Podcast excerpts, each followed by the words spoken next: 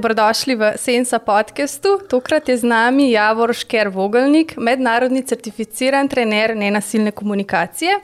Govorila bova o tem, kako izboljšati našo komunikacijo, kako izboljšati stik s seboj in seveda tudi svetom.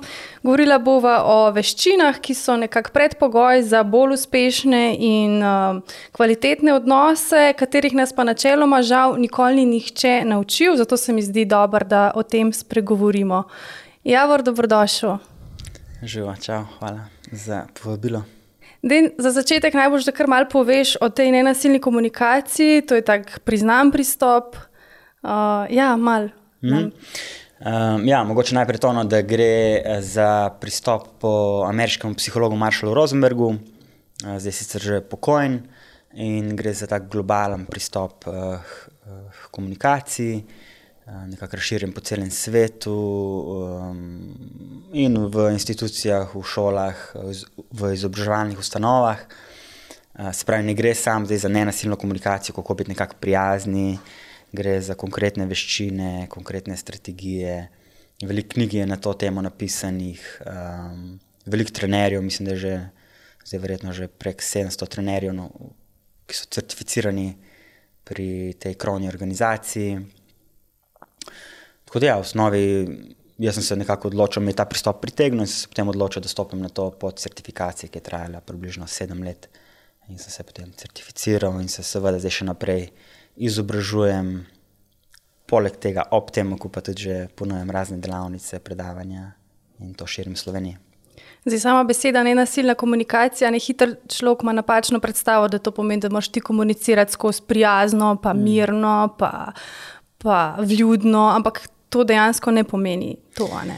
E, ja, mislim, kot sem rekel, ideja je, da um, učimo se treh osnovnih veščin: um, empatičnega poslušanja, čustvene inteligence, oziroma samo empatije, avtentičnega izražanja. Um, učimo se, kako, na kakšen način uporabljamo svojo moč. Um, kako, kako lahko vnašamo več enega zavedanja v svoje uh, dejanja in povezujemo svoje dejanja z našimi potrebami, s tem, kar želimo v odnosih ustvarjati, uh, v naših komunikacijskih odzivih, v načinih razmišljanja. Spravi, ne gre samo za to, da, da je zdaj tle, kako biti nekako prijazen. Nikakor ne gre za veščino prijaznosti, no, gre nekako bolj za to, kako imamo lahko stik, globlji stik s sabo in z drugimi. V bistvu je to osnova komu naj jaz globi stik s sabo, svojo človečnostjo. Uh, tudi zaradi tega mi je, mi je v bistvu zelo blizu um, to, kar, to, kar ta pristop zaobjema, ker ni ideja zdaj, da se skuša stremeti k nekim idealom ali pa nekim konceptom, ampak je ideja povabilo je k stiku s sabo. Kaj se dejansko v meni dogaja, kaj sem jaz kot človek, kot človeško bitje in kako imam lahko stik z drugimi uh, ljudmi, tudi na tem nivoju človečnosti, preko tega, kaj bi mogel biti, kako se spodobi, da bi bil. Zdaj sem bila na tvoji delavnici decembra, ne ti skoraj vsak mesec imaš tudi uvodne delavnice, ne nasilne komunikacije. Moram reči, da mi je bila zelo koristna, zelo. Um, Ja, um, marsikaj sem odnesla od nje, kar pač lahko od enega vikenda odneseš. In neko spoznanje, mogoče je bilo najbolj močno to, da sem ugotovila, da ful ne znam empatično poslušati, pa čeprav sem mislila, da znam poslušati. Mm. Potem, recimo, da niti svojih potreb ne znam izražati na način, da bi sploh lahko bile slišane, oziroma z nekimi tragičnimi načini poskušam zadovoljati svoje potrebe, in seveda pač potem nekako. Uh, ne pride ne, do, do, do tega, kar si človek želi. Pa nočem zdaj to v smislu, da se bom zdaj slabo počutila, da sem zdaj zaradi tega slaba, ker se mi zdi, da gledam okolico, večina, to je neka obča težava. Ne, večina nas ima ta problem, ker enostavno tega se nikoli nismo učili, naši starši tega niso znali, niti se niso ukvarjali s tem, ne neke generacije naših starih staršev so se ukvarjale s preživetjem, ne s tem, na kak način boš ti komuniciral, pa izrazil to, kar čutiš. Tako da zdaj tle res nek ta prostor, ki pa moramo mi nekaj na tem narediti. Um, kaj bi rekel, mogoče, kje so tiste najbolj pogoste napake, ki jih ljudje počnemo, mogoče konkretno pri poslušanju drugega? Mm. No, mogoče prva stvar, um, da sploh ne poslušamo. Ne? To se mi zdi neka taka dost. Uh, se velikokrat zgodi, da pač drugih sploh ne poslušamo. Um, zdaj, zakaj, zakaj nimamo te sposobnosti, te kapacitete. Se mi zdi, da je velikrat zaradi tega, ker si želimo mi sami biti slišani svojo zgodbo, s tem, da, s tem, da, smo, da imamo mi prav, da smo mi dobri, da smo vredni. Um, nam je pomembna ta potreba poslušanosti. In se potem mogoče celo bojimo, če bomo zdaj drugi osebi prisluhnili z nekimi njihovimi koncepti, z njihovimi perspektivami, da to že avtomatsko pomeni, da um, mi ne bomo slišani, da naša zgodba ne bo slišana. To se mi zdi mogoče en tak prvi strah, ki se lahko pojavi. Um, kot druga zadeva so pa te standardni vzorci komunikacije, ki jih poznamo, ko, spet, ko ne poslušamo, ampak začenjamo tako podajati neke lastne uh, zgodbe, svoje zgodbe, spravi pozornost. Ne ohranjamo na drugi osebi, ampak jo začenjamo prenašati na sebe. Um, začnemo tako dajati neke nasvete, To se mi zdi, velikokrat opazim, ne, si z nekom v dialogu, nekaj se pogovarjaš in potem, brez da bi te drugo osebo vprašal, že kar talaš na svete, kaj bi mogel, kako bi mogel, kako bi, kako bi bilo fajn, da bi določene stvari speljal, kaj se spodobi, da bi bilo. Uh, in pa to lažba. Spet jaz ne pravim, da je karkoli narobe z dajanjem na svetu, s to lažbo, z podajanjem teh svojih zgodb ampak se mi spet zdi zanimivo um, vnašanje nekega zavedanja, da če to skozi počnem, ne, kaj se pa zgodi, če sem recimo sam v tišini z neko drugo osebo, um, v neki tej tihi prisotnosti in se skušam nekako res povezati. Kaj za Boga se zdaj dogaja s tem človekom, zakaj mi govori, kar mi govori. In mogoče tle še pri tem, temu načinu poslušanja, ki se ga učimo skozi eh, ta pristop nenasilne komunikacije je neko povabilo, da ne poslušamo samo besed, ampak da skušamo nekako prisluhniti, kaj se pa dogaja izza besed. Se pravi, kaj so vsi ti neki procesi v telesu, kaj komunicira telo drugega človeka. In telo komunicira skozi jezik občutkov in potreb. In tle skušamo nekako iskati ta stik na nivoju občutkov in potreb. To je tudi neko osnovno vodilo nenasilne komunikacije. Govorimo o jeziku življenja, o jeziku občutkov in potreb. Spravi, kad ti nekdo neki pove, ne tako, ja, jaz tudi to, ne, ja, jaz pa to, jaz bi pa ne, tako daš ti fokus na sebe. Ne. Se to mm. vsi počnemo. Mislim. Ja, mislim, ja, to je neka standardna dinamika mm. pogovorov in tudi neka standardna dinamika uporabe moči, um, boja za kdo ima prav, kdo ima narobe. Um, jaz si želim biti slišan z, mojim, z mojo perspektivo, ti si želiš biti recimo, slišan na svojo perspektivo, če ga bo zdaj obveljala in tle se lahko že pol začneva klešati in boriti. Uh, In prihaja, do tega prihaja, po mojem, zaradi samega mišljenjskega vzorca oziroma načina razmišljanja, da lahko obstaja samo ena perspektiva, da ne more biti več perspektiv. In to je že eno ključno razlikovanje ne, pri nenasilni komunikaciji, da v bistvu med strategijami in potrebami, se pravi, načini, kako komuniciramo, so strategije, s katerimi skušamo zadovoljevati svoje potrebe. Pravi, kadarkoli jaz odprem usta, tudi zdaj, ko komuniciram s tabo, oziroma katera koli moja gestikulacija, um, moje dejanja, moj način razmišljanja so moji poskusi, poskusi mojega fizičnega telesa, s katerimi jaz skušam zadovoljiti svoje potrebe, določeno svojo potrebo. In to se iz trenutka v trenutek dogaja.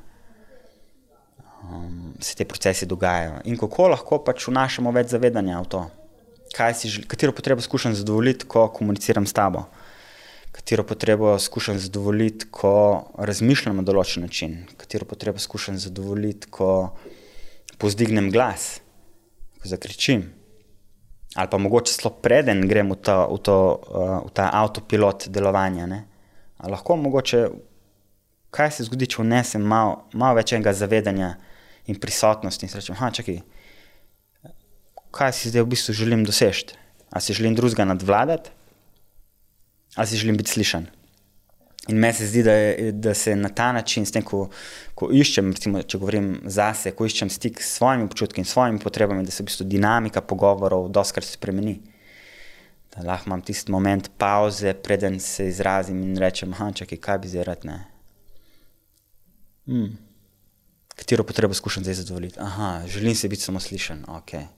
In potem lahko formuliram temu primerno uh, svoj komunikacijski odziv in poveča možnost, da bo te moje potrebe dejansko zadovoljene.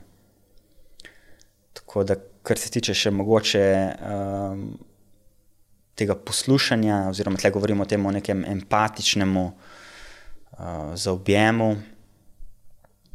Mm, ja, ideja, kako se spustiti v to uh, ranljivost naše človečnosti, ker je po eni strani, jaz mislim, da vsi zelo krepenimo po tem, hkrati nas je pa malo strah tega, ne, da smo zdaj le razgalili kot človeško bitje, ki mogoče nima odgovora na vsa vprašanja, ki ima mogoče neke svoje strahove, skrbi.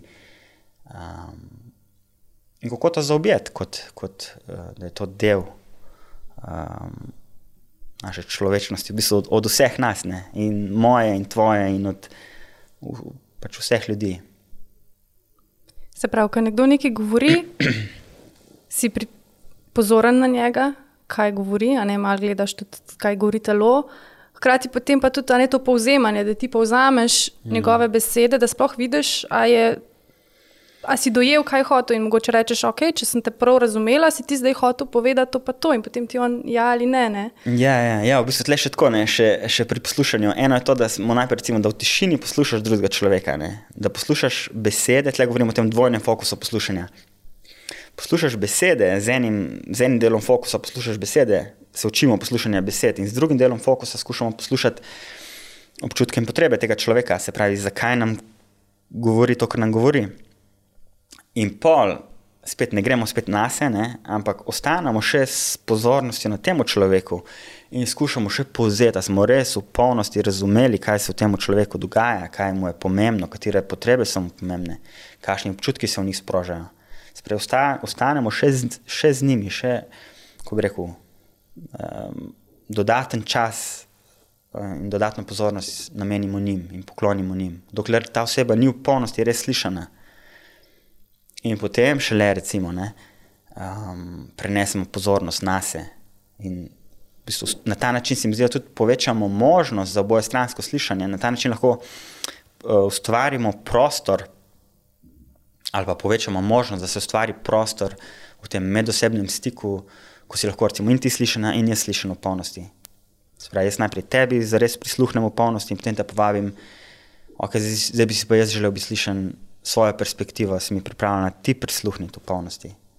In, in na ta način se v bistvu ognemo, oziroma tudi mislim, da pride do, ene, do ene pomiritve, da je ok, da si lahko ti v polnosti izraž, izražaš in izraziš s tem, kar je tebi pomembno, ne? in jaz se lahko izrazim s tem, kar je meni pomembno. In se tle zgodi potem nek stik. In na podlagi tega stika lahko potem greva naprej, recimo še posebej, če je to nek, če je neka situacija ne, konfliktna, težavna, če je velikega trigiranja prisotnega. Ja, to je neka osnovna potreba vseh ljudi, ne potreba poslušanosti. Ja, jaz mislim, da je zelo, zelo, zelo izražena. Jaz mislim, da tle večino, večino časa, ko se mm. izražamo, se izražamo, ker pač ja, bi želeli biti slišani, verjetno, če ne, ne bi mm. verjetno pač komunicirali, vokalizirali, spuščali nekaj glasov ali pa kričali. Recimo, če pogledaš neko osebo, ko pozdigne glas, ko kriči. Jaz mislim, da je zelo, zelo očitno, da si želijo biti slišani, ne? da je ta, to pač ena izmed ključnih potreb. Mm. In spet se mi zdi, priznati, da je to ok, da s tem ni nič narobe, da s temi našimi potrebami ni, ni nič narobe. Ne?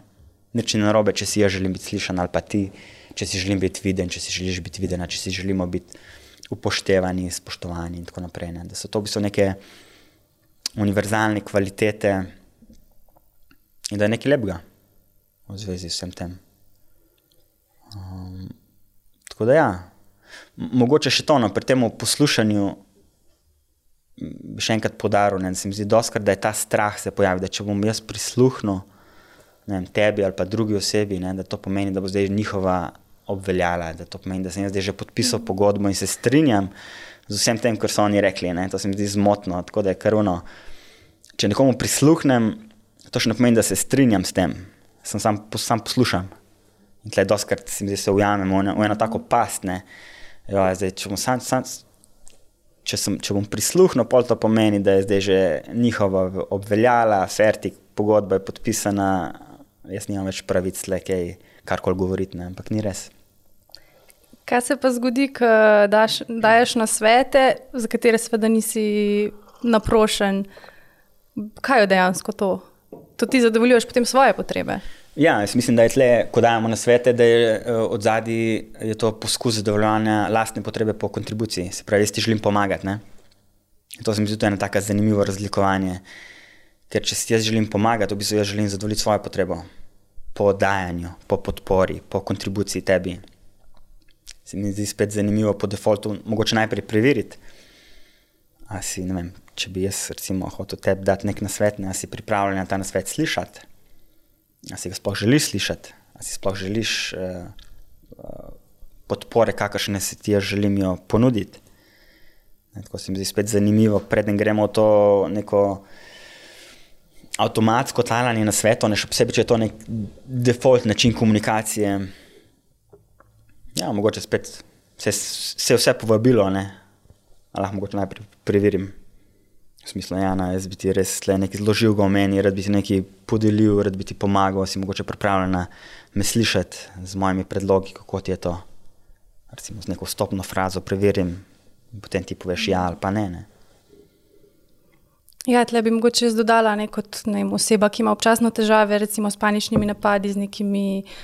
Pač, ko pademo v neko stisko, ne, dejansko takrat ti res rabiš samo prisotnost nekoga, ker takrat dajanje na svetu, da te nekdo hoče popraviti, reševati, mm. to res sam toneš. Pol, to je mogoče kot povabilo vsek, vsi, ki so kdaj v stiku z nekom, ki je v stiski ali pa ki so oni v stiski.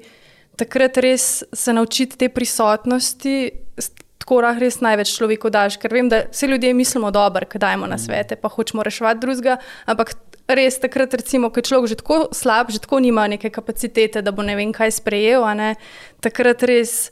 Sam se naučiti zdržati, mogoče v tem poslušanju, vem, da je to ful težko in to, to je sigurno neki izziv za nas vse.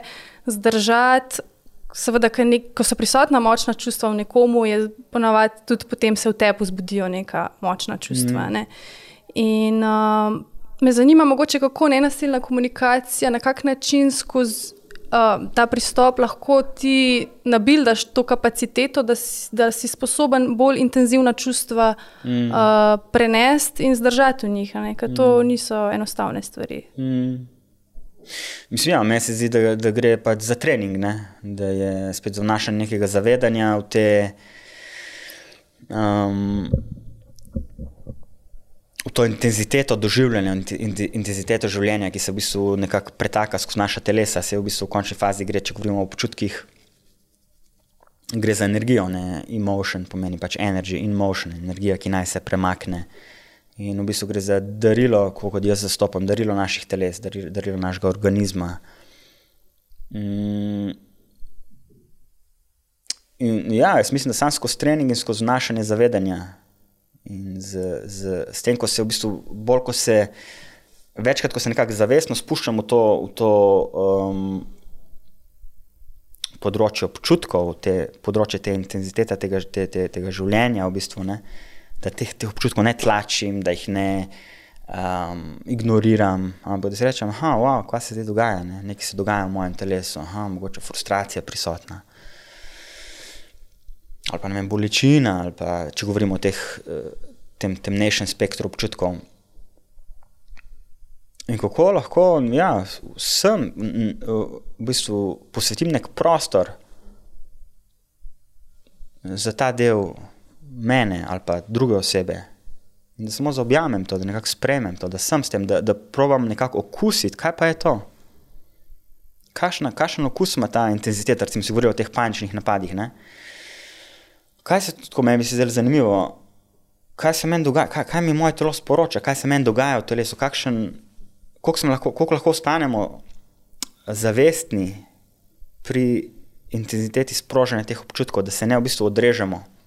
To se največ, to se velikokrat zgodi, mislim, mislim, da, to, da je to nek tak dost predominanten vzorc. Ne? Če je intenziteta določenih občutkov prevelika, recimo v mojem telesu, kaj bom naredil, če nisem sposoben imeti kapacitete, uh, um, za stik s temi občutki se bom pač odrezal. Ne? In to se, mislim, da pri velikih ljudeh dogaja, da pač v bistvu smo totalno v mentalu. In sploh ni nobenega stika z občutki. Ne? To je čisto odrezano, ta, ta, ta dimenzija telesa je čisto odrezana od, uh, od, od ja. uh, mentala. Ne? In kako lahko spet, jaz mislim, da tle ni spet, ko bi rekel, ni da bi mogel zdaj to vse predelati in da bi vsi mogli to takoj narediti, ne? ampak koliko lahko, koliko sem sposoben se um,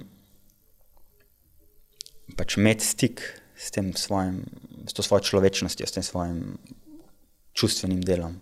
Ne da se utopim notri. Ne? Če je preveč, lahko pač grem ven. Se, se, pač ogromno je nekih distrakcij, ogromno je nekih možnosti, še posebej danes mi zdi, ko se lahko tako hitro pač, um, odmaknemo. Od, ne, začut, začutim malo bolečine, pa ne vem, ja, folk gre vem, na čik ali pa ne, pogledaš telefon, um, poješ cukor. Pač ogromno mm. možnih distrakcij, ne? ampak si lahko mogoče vsaj malo začenjamo imeti časa in si reči, ok, zdaj bom pa si vzel pet minut, ne? pa sem skušal malo začutiti, kako se jaz dejansko počutim, kaj mi sporoča moje telo. Ne? In mogoče s pomočjo teh občutkov lahko pridem v stik z nekimi svojimi krepeneni, ki so zadovoljeni ali pa niso. Ne? Tako da jaz mislim, da je skozi postopnost, skozi trening, um, tudi skozi spremenjanje mišljenjskih vzorcev, ne? to se mi zdi en tak mogoče. Um, ja, da imajo naši načini razmišljanja eno veliko vlogo pri tem, da se bomo zdaj spuščali v ta čusten svet ali ne. Še posebej, če je ta predominanten mišljenjski vzorec, ki ima te ljudke, ne šakali, ne v smislu razmišljanja, da je z mano nekaj narobe, če čutim. Ne, da sem slab, da sem narobe, da se ne, sposobi, se ne spodobi, da bi imel občutke, da bi čutil določene občutke, bodi si bolečino, strahove, ne, da to pa res ni dobro. Ne. In da mi mogoče nam te mišljenjske vzorci potem preprečujejo stik s tem, kar je dejansko realnost naši, na, nas in naših teles. Če sem približno odgovoril. Si, si. Um, se pravi, daješ ti, oziroma ta pristop, tudi potem pomembnost na stik s telesom, kaj se v telesu dogaja. To se mi zdi zelo ključna stvar. Ja, per, ja. Uh, teh stvarih. Ja, ja. mislim, da se zdi to absolutno ključno. Um, stik s telesom, ker ima telo. Pač eno je to, da je, je ogromno inteligence, zelo inteligentno. Ne? Jaz mislim, da je bolj inteligentno kot sam mental. Če govorimo samo z vidika elementarnosti telesa, ne, da to, to so pač elementi, so stari, kot je stara Zemlja, ne, ne vem, par milijard let. Mm. In ogromno energije je ujeto v telesu, spravi spet obliki občutki, so v bistvu energija, ki je nam na voljo. In tle se mi zdi spet, zakaj rabimo trening, zato ker je pač intenzivno. Ne? Ta je res ogromen ta energijski potencial občutkov, ki se sproščajo, um, oziroma ta način, kako telo nam sporoča nekaj. Ne? Komunicira preko te magnitude občutkov. In to ni zdaj neko prekletstvo, to ni nekaj slabega, ne? ampak občutki so v bistvu naši zavezniki. Tako pač jaz dojemam. Ne? Pravi, če jaz čutim, ok, lahko je občutek neke radosti, ne? to pomeni, da so neke moje potrebe zadovoljene, ali pa vem, veselja, ali pa nekega navdiha. Ne? Zdaj, če pa določene moje potrebe niso zadovoljene, recimo, če si jaz želim biti slišen in ta potreba ni zadovoljena, ne? bom pa občutil neko frustracijo ali pa bolečino. In kaj pa lahko naredim? Ne? Si v bistvu s pomočjo tega občutka pomagam k stiku s temi mojimi potrebami. Potem lahko pridem na dan, mogoče, aha, kaj pa lahko zdaj naredim, ne? pa pa lahko uporabljam v bistvu mentalne.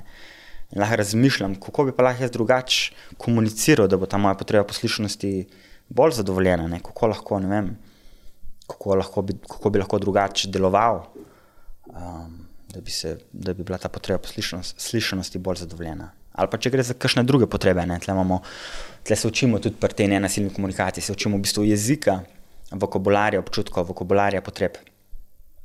Ravno z namenom, da lahko v bistvu nekako identificiramo, kaj, kaj za Boga si želim. Kaj, kaj, kaj, čemu, kaj je tisto, po čemer hrpenim? Zares. Ne? In ko prijem stik s temi potrebami, potem lahko rečem, okay, kaj pa lahko zdaj naredim, ne? kaj so te strategije, kaj so moje prošnje da ustvarim to spremembo v življenju, za katero um, upam, da bo globlje podprla te moje potrebe, bodi si v intimnih odnosih, bodi si v poslovnih odnosih, odnosov do otrok, pač tle se dimenzije uporabe teh veščin so pač v bistvu na vseh nivojih. Ne. A se ti zdi, da recimo ti kot moški, da imaš kaj več mislim, težav z svojo sprejeto ranljivost, pa določena čustva? Um, Veš, kaj, recimo, kakšna žalost, pa jog, pa to je ful, zdaj ženske smo nekako. ja. Se mi zdi, da Mis- pri moških je malo več tehnikih um, zadržkov. Mislim, jaz osebno recimo nimam, ne, ne vem, mogoče tudi zaradi eh, tega poglobljenega študija vseh teh različnih eh, metod. Um, se mi zdi, tle se mi zdi tudi mogoče to ključno, spet če govorimo no- o mišljenjskih vzorcih, ne, ja, moški ne smejo jokati, ali pa nekaj narobe, če jokam, nekaj narobe, če sem žalosten, nekaj je narobe z mano, če čutim strah, ne, uh, ne smem, moram biti pogumen, moram vse, vse moram obvladati. Ne. Se mi zdijo, da smo lahko potem ujetniki uh, teh mišljenjskih vzorcev. In kaj se pol dogaja, tle je tudi fulj zanimiva dinamika tega. Ne.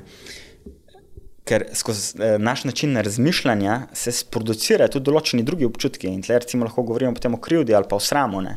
In me rata sram, ampak občutek sramu izhaja iz načina razmišljanja. Vse tako kot jaz zastopam, tle spet povabim vse te koncepte, ki jih jaz le delim, ne, pač dajte sprobati pri sebi, dajte jih. Um, ne govorim, da je to neka edina sveta resnica, ampak vsak ima svoje telo, tako da vas povabim, da dajte malo preverjati pri sebi. Ne. Zakaj ne? Zdaj, če jaz razmišljam na način, da je, da je z mano nekaj narobe, ne bom potem začel, pač ja, se mi pojavil sram, ne? da nisem v redu tako, kot sem, ampak to izhaja iz načina razmišljanja. Medtem ko za tem sramom je mogoče sam ena želja po sprejetosti, potreba po sprejetosti, recimo, želim biti sprejet kot tak, kot sem, ne kot tak, kot bi mogel biti. Pa mogoče še to, no, um, čustvovanje v smislu, vem, jok ali pa žalovanje, če govorimo. Kako, spre, kako lahko spremenimo odnos do teh čustvenih stanj, to se mi zdi tudi ključno. In za moške, in za ženske, v bistvu za vse. Ne? Da je to neki jezik našega telesa in ko smo lahko, kako, jaz si vsaj zase, zase želim biti mm, v neki ljubeči naklonjenosti eh, jezika, ki ga govori moje telo.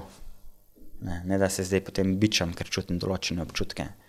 Ampak da skušam temu prisluhniti to zaobjeti. In to ne pomeni, da, da, da sem šibek, ravno obratno. Ne. Mogoče je tudi to ja, ena predominantna, predominantna um, predominanten mišljenjski vzorec, je to, da je um, ranljivost, šibkost. Medtem ko z mojega vidika je ravno, pač ravno obratno. Ne. Ta kapaciteta, da se lahko razgrnem s svojo človečnostjo in svojo ranljivostjo, v bistvu zahteva velike nemoči. In je tle smatrana šibkost bolj v smislu, kot uh, veš, to, da nisem sposoben, ne bojim se stika z intenziteto svoje človečnosti. Ko se mi zdi, da, da je velik za, mislim, za zaobjeti ali za spremeniti tudi na nivoju razmišljanja. Um, da ne govorim še, recimo, ne, vedno tebe tudi zanima matematike, travm, recimo, ne, in kakršno koli zdravljenje ali pa spreminjanje in mišljenjskih, mišljenjskih in vedenskih vzorcev, spet kot je moje raziskovanje, um, lahko poteka skozi telo. Ne. Če mi sam pač razmišljamo o nekih čustvih, počist nekaj drugega, kot si jih dovolimo občutiti in s to intenziteto sprostiti. Ne, in to ni, ne moreš, ne vem, občutki, saj moja izkušnja, recimo sproščanje neke čustvene napetosti, se dogaja, ne vem, telo se začne tresti, ne vem, ja, solze se začnejo teči, ne vem, glasovi, telo začne spuščati glasove ali pa začne spuščati glasove. In na ta način se v bistvu ta energijski naboj sprošča. Ne na način, da sem jaz zdaj tam, ja, ne, čutim bolečino, ne, ampak se v bistvu poteka v bistvu telesen, fizičen proces sproščanja te energije. In še po drugi strani, no, če sam še to zaključim, no, mogoče za, za moške, ne, da v bistvu um, se na ta način lahko pridemo v stik z neko globljo močjo preko ranljivosti.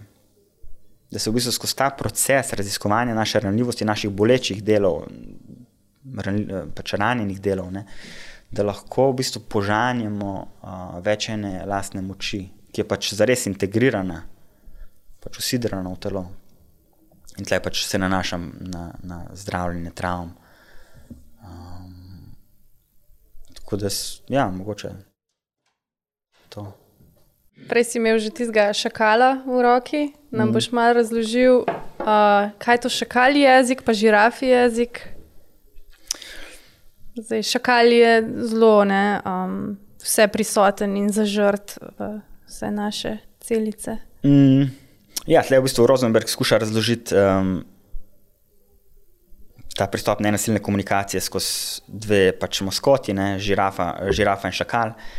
Um, spet nobena ni bolj prav kot druga, ne, ampak sam na ta način skuša v bistvu razložiti, da je v bistvu šakal jezik, je ta jezik in te mišljenjske vzorce in načini komunikacije, ki jih poznamo. Ne. Se pravi, to je v bistvu jezik, ki je vsem poznan, v smislu uh, obtoževanja, okrivljanja drugih ali pa sebe, uh, postavljanja nekih diagnoz, ne. Ne, ti si neumen, ti si zabit, kaj je s tabo narobe, um, grožnje, postavljanje zahtev, uh, evalvacije. Pravi, to so vse neke sestavine tega eh, šakaljega jezika, ki je v bistvu vsem dokaj normalen. Zelo, zelo, zelo navadno nam je, da nekomu rečeš, ne vem, mater si nesposoben, mislim, kaj s tabo. Si, kaj si, kaj si, kaj si blesal ali kaj ne. Če ne boš tega naredil, kot sem ti rekel, le bojo sankcije. Se pravi, uporabim neko diagnozo, obtožbo in uh, grožnjo. Recimo, in to je nekaj, ki se mi zdi, kar je zelo. Um, nam logično in zakaj? Zato, ker smo v bistvu v tem šakaljem jeziku rojeni in vzgojeni in živimo že pač celo življenje bolj ali manj v komunikaciji s takim jezikom. Ne? In spet le se pa smatra, da v bistvu šakal jezik spet ni, ni nič z njim narobe, ne? enako velja s šakaljimi mišljenjskimi vzorci, ampak je spet vnašanje nekega zavedanja, da kaj se pa zdaj dogaja ne? za tem šakalom, zakaj on na tak način komunicira. In tle govorimo potem o žirafi, ne? o jeziku občutkov in potreb. In žirafa pa pač komunicira in se pri svoji komunikaciji nanaša na to, na jasne observacije, kaj dejansko vidim, vidi ali sliši, ne? Ja, na to, kako se počuti, so, kako se določeni občutki sprožajo v telesu ali pa pojavljajo in kaj so, kaj so njene potrebe. In tako se potem v bistvu učimo prevajanja iz šakaljega v žirafi jezik. Da, ne vem, um, narediva kakšen primer. Komod. Ne vem, recimo.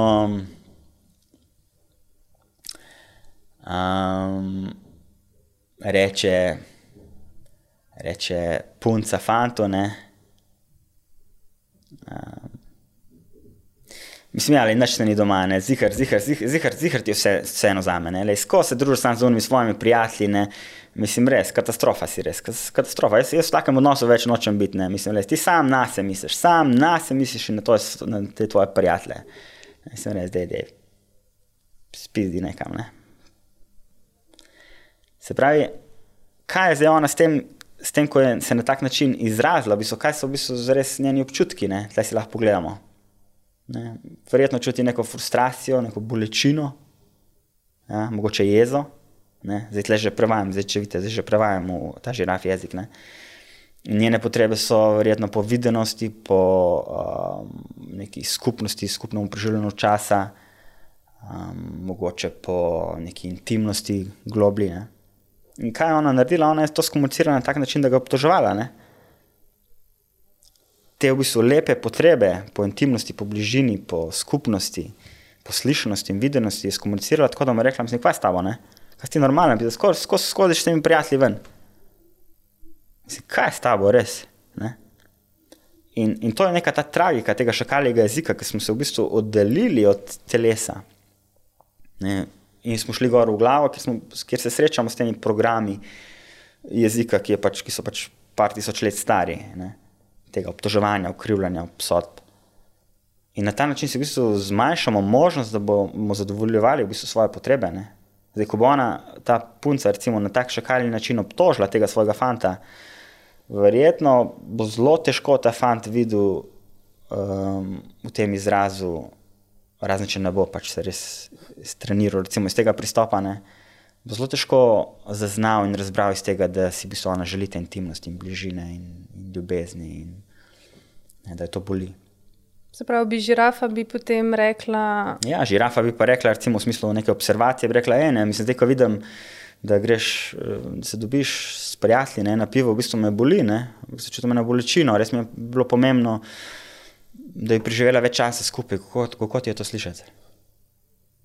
Ne, a vidite, mislim, se mi zdi, da je kar očitna razlika, ne, če ti nekaj tazga mm. povem, ne. Ali pa če ti rečem, ne, si kva je s tabo, ne, da spet greš mi vse vem, ne, le, res ti je vseeno za mene. Ma dej, pejdi, dej, dej. Ali pa če ti rečem, ej, v bistvu me frustrira, ne, v bistvu si res želim več časa preživeti s tabo. Hkrati mi je bilo pa tudi pomembno, da imaš ti tudi svobodo, da, da si tudi veš, svobodna, lahko delaš kar hočeš. Obenem bi bilo pa tudi pomembno, da imamo mi dva en stik in da je poskrbljeno za najno intimo. Mi lahko mogoče poveš, kaj si slišal, da sem rekla. Se pravi, se mi zdi, da je kar bistvena razlika. Um, bistvena razlika o načinu, kako določeno isto sporočilo skomuniciramo. Mogoče bi tle sam še to povedal.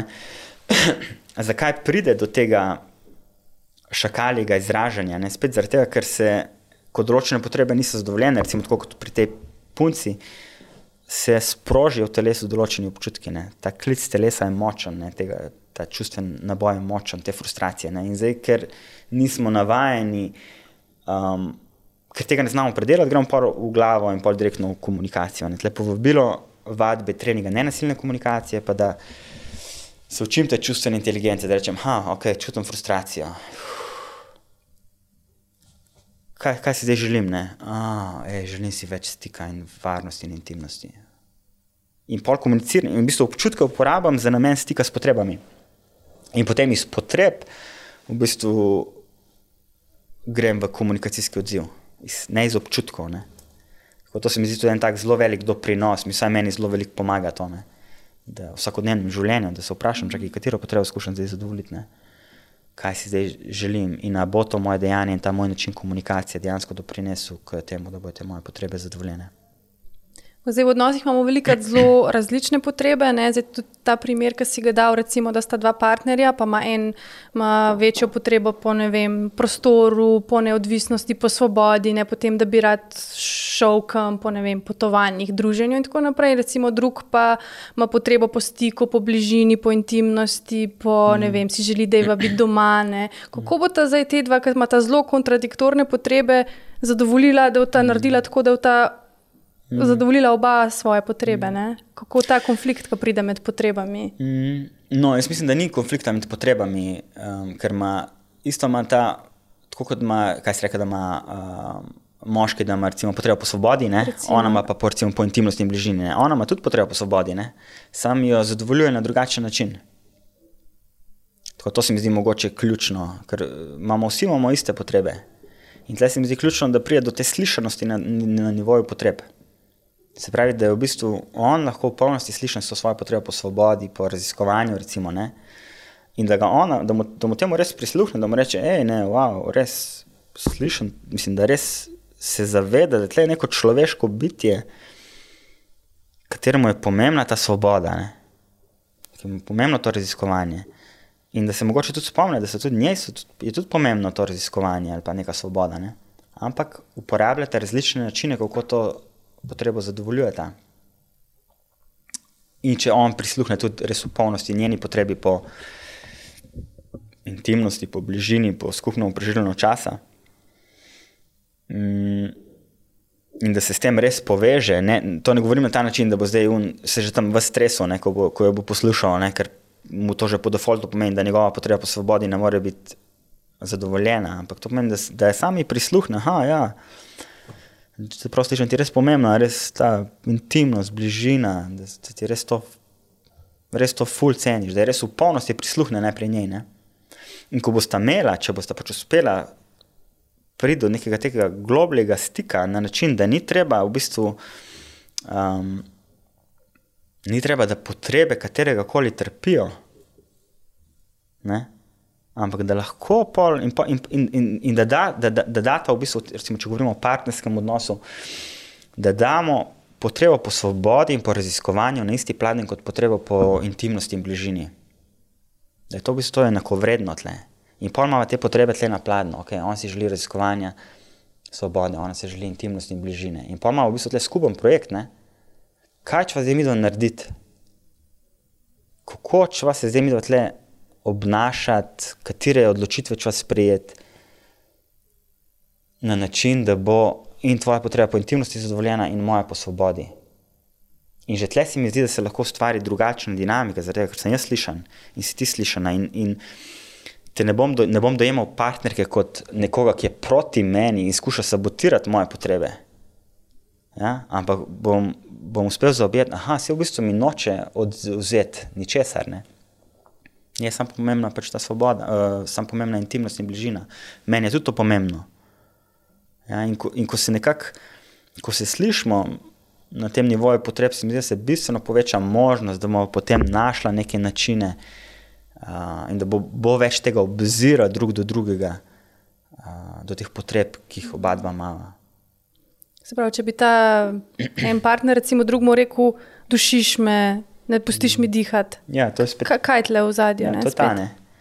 Ne, to je v bistvu neko diagnosticiranje oziroma obtoževanje. Ja, le, ti me ful dušiš, ne. res me dušiš, ne. mislim, res, jaz ne morem več. Ne. Kaj v bistvu on govori? On, on, pač neka projekcija se dogaja. On jo obtožuje, v bistvu se po njem dogaja, bi, recimo, ugibo. Ne. Ja, mogoče nek krč, frustracija v smislu občutka in je želja po večji svobodi. Po mogoče po svobodi, po nekem miru, recimo. In kako bi lahko to na drugačen način skomuniciral, ne da jo gre obtoževanje, ne, ampak bi rekel, hej, spet kaj observacija. Recimo, da mu je ona rekla, ne smeš iti na tekmo, recimo, neka, ali pa ne smeš iti na izlet s prijatelji, recimo, ne, ali pa ven žurati, recimo. ne, če mu ona to reče, ne, ne smeš iti ven žurati, ne, se lahko on izrazi spet na način neke observacije in reče, ja, zdaj, slišim, da mi to praviš, ne, da sem jih žuril, v bistvu čutim eno stisko, ne, mi je res pomembno spoštovanje mojih odločitev, zabava in, in, in um, ja, stik z mojimi prijatelji. Ne. Čist nekaj drugega, kot če, kot če reče nazaj. Spet me dušiš, da ne mi težiš, no. skozi mi težiš, spet mi težiš zaradi ene in iste stvari, že stokrat se o tem pogovarjala. Ne. Ali pa če ti rečem, ne. Ja, ko to slišim, v bistvu ja, imam stisko, ne. si želim preživeti čas s tabo, ob enem je pa tudi pomemben stik s prijatelji. Imam tle stisko in ne vem, kaj narediti. Mi lahko mogoče sam poveš, kaj si mi slišal, da sem ti povedal. To je recimo en, en način, ne? ali pa še prej, kaj bi bilo še bo, po eni strani še boljše, ne? če bi, če ona izrazi, no, da reči spet. Um, ne smeš iti ven s prijatelji. Nimaš kaj danes ven hoditi. Hmm. In tle se lahko spet, recimo, ne, proti takemu izrazu se lahko začnemo upirati, gremo te standardne, standardni načini odzivanja, so ta boj, beg oziroma zamrznitev. Ali sem zdaj spajal s tabo na polno, ne? ali bom zbežal, ali bom rekel, ne, ne, aj čau, ne? ali bom pa pač zmrznil in otopel. Ne? In četrti način, ki ga tle nekako kateremu vabimo, je, kako lahko je stik s tabo. In tle govorimo o tem empatičnemu, empatičnemu poslušanju. Še enkrat, če poveš enkrat to frazo, če narediva malo igre v lokti, mm -hmm. v redu. Kar to isto frazo. Nimaš kaj ven hoditi spet. Mm. Ja, te, če te prav slišim, te v bistvu si v eni stiski, ko vidiš, da si želim biti s prijateljem, bi si res želela uh, več enega obzira, sem te prav razumel? Ja. In, in, tle, mislim, in pa se že razorožiš, ne človeka. Ne. Ja, v bistvu zakaj? Zato, ker lahko se naučimo tega poslušanja, ker ta tvoj, ta tvoj izraz je bil zelo šakali, zelo mm. v smislu uh, ne, nekega, um, neka zahteva. Ne? Lahko bi šla še globlje na to. Ne? Ampak za vsako zahtevo, kaj se skriva? Zahteva je poskus zadovoljitve določenih potreb. In spet, ker recimo v tem primeru ti nisi sposobna sprocesirati teh svojih občutkov, ne, ki se strgira v tebi, ko vidiš partnerja, da hoče se dobiti s prijatelji avtomatsko greš pač ne, ne smeš iti. Zakaj? Zato, ker je tle frustracija. In spet, če bi šla, tako kot se prej pogovarjala, če bi ti rekla, da wow, si vzameš čas zase, čas, par trenutkov ali pa ne vem, koliko pač rabiš, da spostaviš stik, da prevzameš odgovornost, le še mogoče to ključno razlikovanje. Smo pač odgovorni za, svo, za svoje doživljanje, za svoje občutke in za svoje potrebe. Smo mi kot odrasle osebe, smo mi odgovorni, ni zdaj partner ali pa sodelavec ali kdorkoli, ni odgovoren za, za naše potrebe ali pa naše čustva. Ne. To ne pomeni, da ne bo obzira in skrbi um, do teh občutkov, ne, ali pa da se na ta način zmanjša obzir drug do drugega. Ampak za te procese, ki se dogajajo v nas, smo mi sami odgovorni. Ne. Se pravi, ti bi lahko potem šla v to frustracijo in vzpostavila stik s to potrebo po stiku, po um, obziru, ne? in bi pa enostavno komunicirali iz tega področja, raje kot pa v tej reaktivnosti. Ne? Le, še enkrat, če greš ven, le se zaključila. Ne? Mislim, pa greš recimo nekaj, to lahko hitro eskalira. Pol, ne? Tako da ne, na ta način upam, da je približno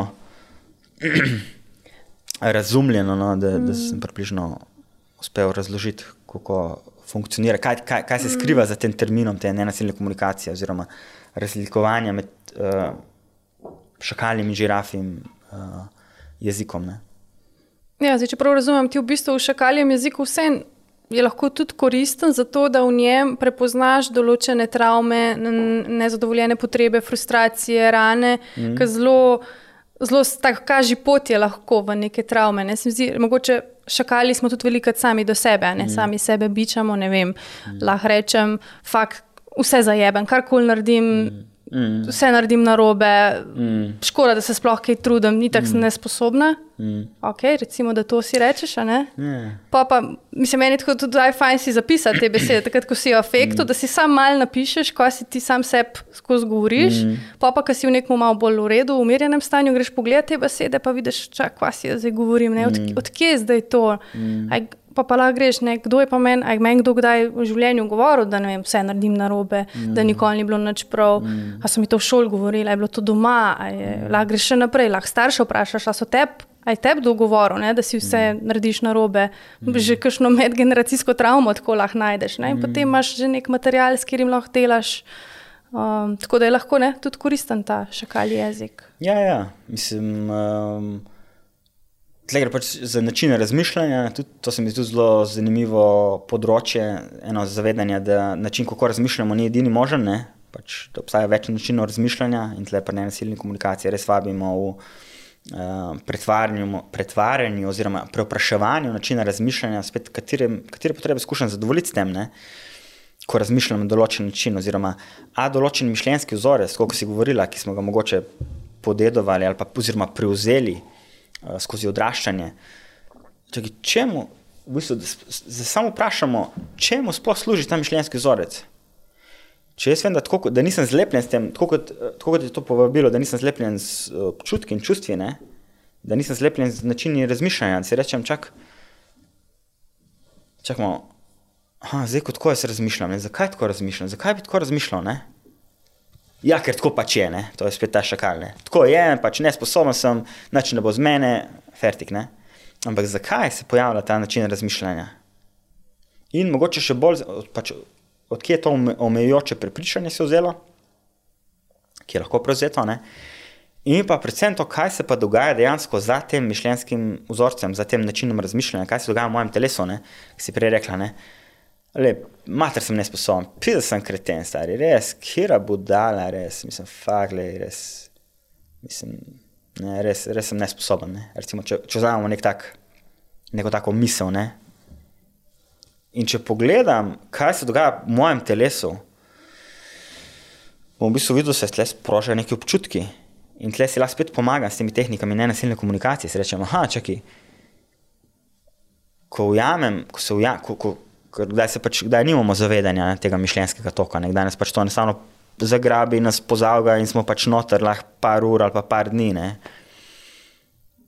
Ampak, ko, unesem, ko, ko se v bistvu zavem, da wow, spet razmišljam na tak način, zakaj bi jaz tako razmišljal, bom videl, da v telesu se, mojem, mojem telesu nekaj dogaja, neki občutki se sprožajo, mogoče so prisotne neke frustracije, bolečina, doskrat recimo bolečina. Ne. In spet, pa si lahko spet vprašam, kaj mi sporoča ta bolečina ne? ali pa te frustracije, katere moje potrebe niso zdaj zadovoljene, pa bi si želel, da so. In si lahko spet pomagam s pomočjo, kot se reka, tega šakaljega mišljenjskega razmišljanja, v globi stik s sabo, v globi stik do mojih potreb. Ne? In bom spet prišel do, neki, do, do nekega zaklada, v bistvu, do, ne, do nečesa, kar je dragoceno. Bom prišel, da v bistvu si želim, ne, če bi bil še enkrat. Mater sem, pisal sem nesposoben, ma, kjer kreten sem, stari, mogo bi, mogo bi drugače narediti. Ne? Mogoče je tle zadnji potreba po vem, večji prisotnosti, po učinkovitosti. Ne? In potem iz stika s temi potrebami lahko rečem, okay, kaj pa lahko zdaj naredim. Ne? Rajško, da se tle v bistvu zaciklam, ker to se dotakne, pa če zaciklamo ne, v tem načinu razmišljanja. In potem ta način razmišljanja, kaj se začnejo pojavljati občutki krivde, občutki sramu. In če bom zelo globoko in dolgo razmišljal, ne, da je z mano nekaj narobe, da sem totalen krten, totalen idiot, bom eh, padel verjetno v neko depresijo. Ne. In se spet pojavlja, to je, to je ta um, sram, krivda, depresija, vsaj tle z vidika nenasilne komunikacije se smatra, da so to občutja, ki niso dejansko ne podpirajo zares življenja. In spet darilo teh občutkov ne, je, kaj so pa moje potrebe. Da lahko pridemo s tem, kaj so. Aha, iz prijetosti si želim. Želim si ne vem, ja, intime, želim si učinkovitosti, želim si neke strukture, želim si več um, ne, prisotnosti. Želim si zabave, želim si ja, vem, druženja, skupnosti, karkoli so te potrebe. In, so, in nam lahko pomagajo taki mali procesi, nam lahko pomagajo ven iz teh začarnih krogov. Ja, tudi, kot smo prej rekli, ne, recimo izjava, dušiš me. Tukaj imaš spet že en material, če ti to nekomu rečeš, mm -hmm. s tem delaš. Kaj, ja. te, kaj te duši, odkje ta občutek? Mm. A te je kaj, ne, ne, otroštvo dušilo, te, te, mhm. takrat kdo dušil, pa te zaviral, ne vem, ker si mm. hotel postati samostojen. Tako, ful se skrivajo lahko v teh stvarih, pol mhm. neki. Ja, spet, koliko se, koliko se želimo iti v ta, v ta raziskovanja, kaj, kaj je v bistvu v zadju. Zdaj, dok, dokler smo te, temu načinu razmišljanja, da so drugi odgovorni in, in krivi za to, ko se mi počutimo, ne, bomo to odgovornost skozi prelagali na druge in se ne bomo nikoli začeli v bistvu poglabljati vase in v raziskovanje v bistvu tega, te pokrajine našega telesa in tega, kar smo kot ljudje. Zdaj, če pa enkrat, vsaj jaz vabim v bistvu vse k tej tezi, da smo v bistvu sami odgovorni za te procese, ki se v nas dogajajo in da nobena druga oseba ne more biti odgovorna za, te, za, za občutke, ki se pač v našem telesu dogajajo. Naenkrat lahko postane v bistvu zelo zanimivo, mislim, ne pravim, ne pravim, da da je pač, uh, prijetno, ker se pač soočamo z to senčno stranjo od oskrat občutkov. Uh, ampak jaz mislim, da je to pot v, v opolnomočenje, ne, ker enkrat ne prelagam več odgovornosti, ne dajem moči, da drugi nadzirajo moje počutje, ne dam ne vem, tebi ali pa drugim ljudem. Ne? Ampak si rečem, ne, ne, čakaj. Jaz sem kot odrasel človek, sem jaz odgovoren za to, kaj se v mojem telesu dogaja.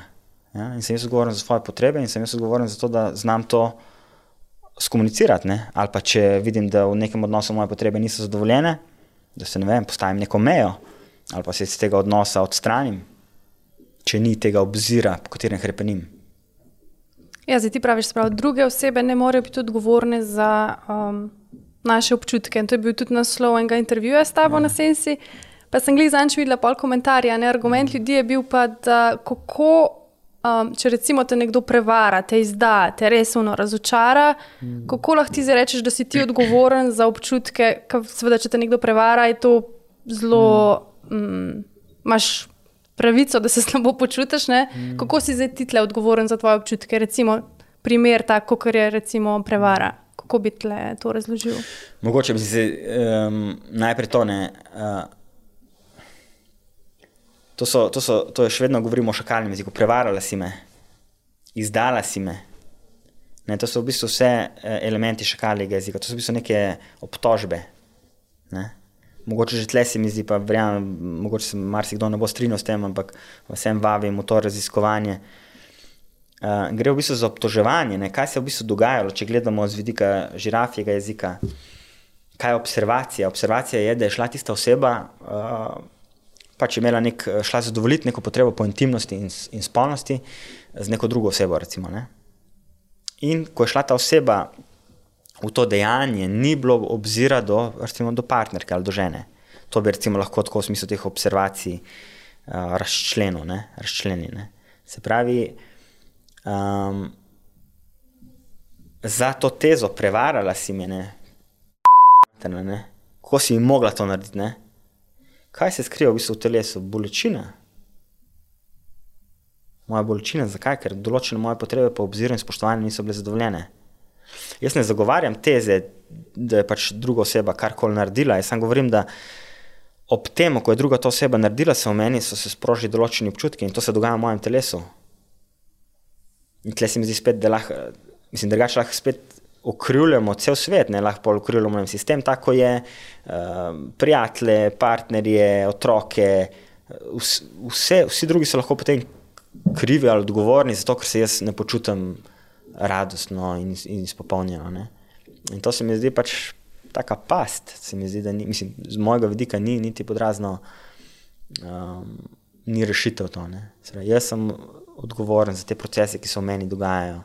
Zdaj, seveda je nekaj, mislim, da čist navadnega, da bom čutil bolečino v takih situacijah, ker, ker mi je pomemben obzir, mi je pomembno, da ima partnerka obzir do mene, da ima tle nek uh, dialog, dogovor, spoštovanje dogovorov, ne, da je neko zaupanje prisotno.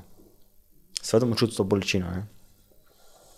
Tako da ne vem, če sem približno uh, objasnil. Mm. Zdaj, pri teh napadih, pa obtoževanju drugih, ne, se mi zdi zelo velik problem ta, ta projekcija, pa premeščanje čustev, ker ti v bistvu nisi niti. Ne izražaš čustva do pravega človeka. Ne. Recimo, nisi jezen sploh na tistega, ki bi v resnici mogel biti. Ne. Gre za neko recimo, potlačeno čustvo, ki si ga ali že davno nazaj, ali v nedavni preteklosti, recimo v eni knjigi, sem zančen, tako fajn primer je bil, recimo na moškega se sprav nadrejeni, uh, potem on seveda mu se ne. Mu ne vrne tega, oziroma ni jezen na njega, ker bi s tem tvegal nekako izgubo službe. Ne? Pride domov, se zdere na ženo, žena spet ne vrne tega njemu, ampak se potem zdere na otroke, otroci spet ne bojo nazaj, mami tega vrnili, ali pa ne vem, se bojo pa spravili na psa in pes ugrizne mačko. Ne? Tako, recimo ta neka veriga premeš tega premeščanja čustev. Um, tako da jaz se mi zdi zelo pomembno, ne, da si ti toliko v stiku, da sploh veš, uh, se pravi, kje je čustvo, pa komu je sploh namenjeno, a ga sploh izražaš pravi osebi. Mm. Ja, mogoče to, tle se mi zdi spet ena razlika um, jezen sem na te, ne? ali pa čutim jezo. Se mi zdi, ful. Uh, jaz mislim, da nismo jezni na druge ljudi, ker to spet predpostavljam, da so, to je spet tako, kot se naša naprejšnja teza, predpostavljam, da so drugi krivi, da jaz čutim jezo. Ne? Ampak tle, tle, tle je povabilo k temu, kaj je observacija, kaj se dogaja. Aha. Šef je pač kričal, ne, pričal mene. In zdaj, spet, če si jaz razlagam, da je on kričal na me in da je z mano nekaj narobe, ne, se bo spet se bo cela veriga nekih čustev sprožila v meni. Ne. Če pa jaz znam razmejevati, postavljati jasno mejo med tem in se zavedam, da to, kar mi on govori, če se on kriči, tudi če je to priča mene ali pa kao na me, to bi se nima veze z mano. Ta oseba, ki kriči, v bistvu skuša, je to njihov tragičen poskus, s katerimi oni skušajo zadovoljiti določene svoje potrebe in ne znajo drugače, ne znajo pač, nimajo te kapacitete vzpostaviti stika s sabo in stika s svojimi potrebami. Nimajo kapacitete, niso se naučili alkimije svojih občutkov. Se pravi, ne kriči na me, ampak priča o mene. In če znam tle, če se učim tle tega dvojnega fokusa poslušanja, bom jaz lahko, ko bo se ta kričal na me, mislim na me, ko bo pričal mene kričal, ne, bom lahko poslušal, aha, wow, le, mater je kot jaz zastopam, je fulani frustraciji, jezi in bolečini. Ne, in mu je pomembno, da neke potrebe niso zadovoljene. In se na ta način že v bistvu razmeji in vzpostavi drugačna dinamika odnosa. In potem, še, če jaz vzamem to, da se, občutki, ki se pa v meni ob tem sprožijo, so pa pač moja odgovornost. In če se naučim to predihati in predelati, pol ne bom, mislim, se zmanjša verjetnost, da bom uh, sproščal svoje tenzije na vem, sina ali pa na ženo. In spet jih ne bom sproščal na njih, mislim, to zgleda, da jih ne, ampak jaz v bistvu sam sproščam neko čustveno napetost. Da se mi spet, kako lahko spremenimo odnos do teh do občutkov, ne, do te čustvene navlake, čustvene napetosti. In da enostavno, da se zavemo, da se nam pač ta čustvena napetost in tenzija, da se nam naberejo tekom dneva lahko v telesu. Ne in da se naučimo, tako kot tle pač taka, mogoče hecna prispodoba, ampak tako kot hodimo odvajati eh, blato in vodo, ne, da se naučimo odvajati tudi to čustveno navlako, da to nekaj pač vsak, vsakdanjega, ki, ki mislim, da je fajn, da se naučimo početi. In š, mogoče še to, ne, da obsta, skozi nenasilno komunikacijo se učimo pač različne vaje, kako lahko to naredimo. Um, ka, in kakšna je pa razlika, recimo, ne, da pride mož iz službe domov in je pač po domači povedano nadrkan, ne pač uh, razkačen. Recimo, in če imamo to zavedanje, da je tle velike napetosti ne, in nervoze prisotne. In še to, če se zaveda razlikovanja med triggerjem in vzrokom, se pravi, da ne če bo žena nekaj rekla, da je to lahko sam trigger, za te, za te, za, se te občutki še dodatno sprožijo.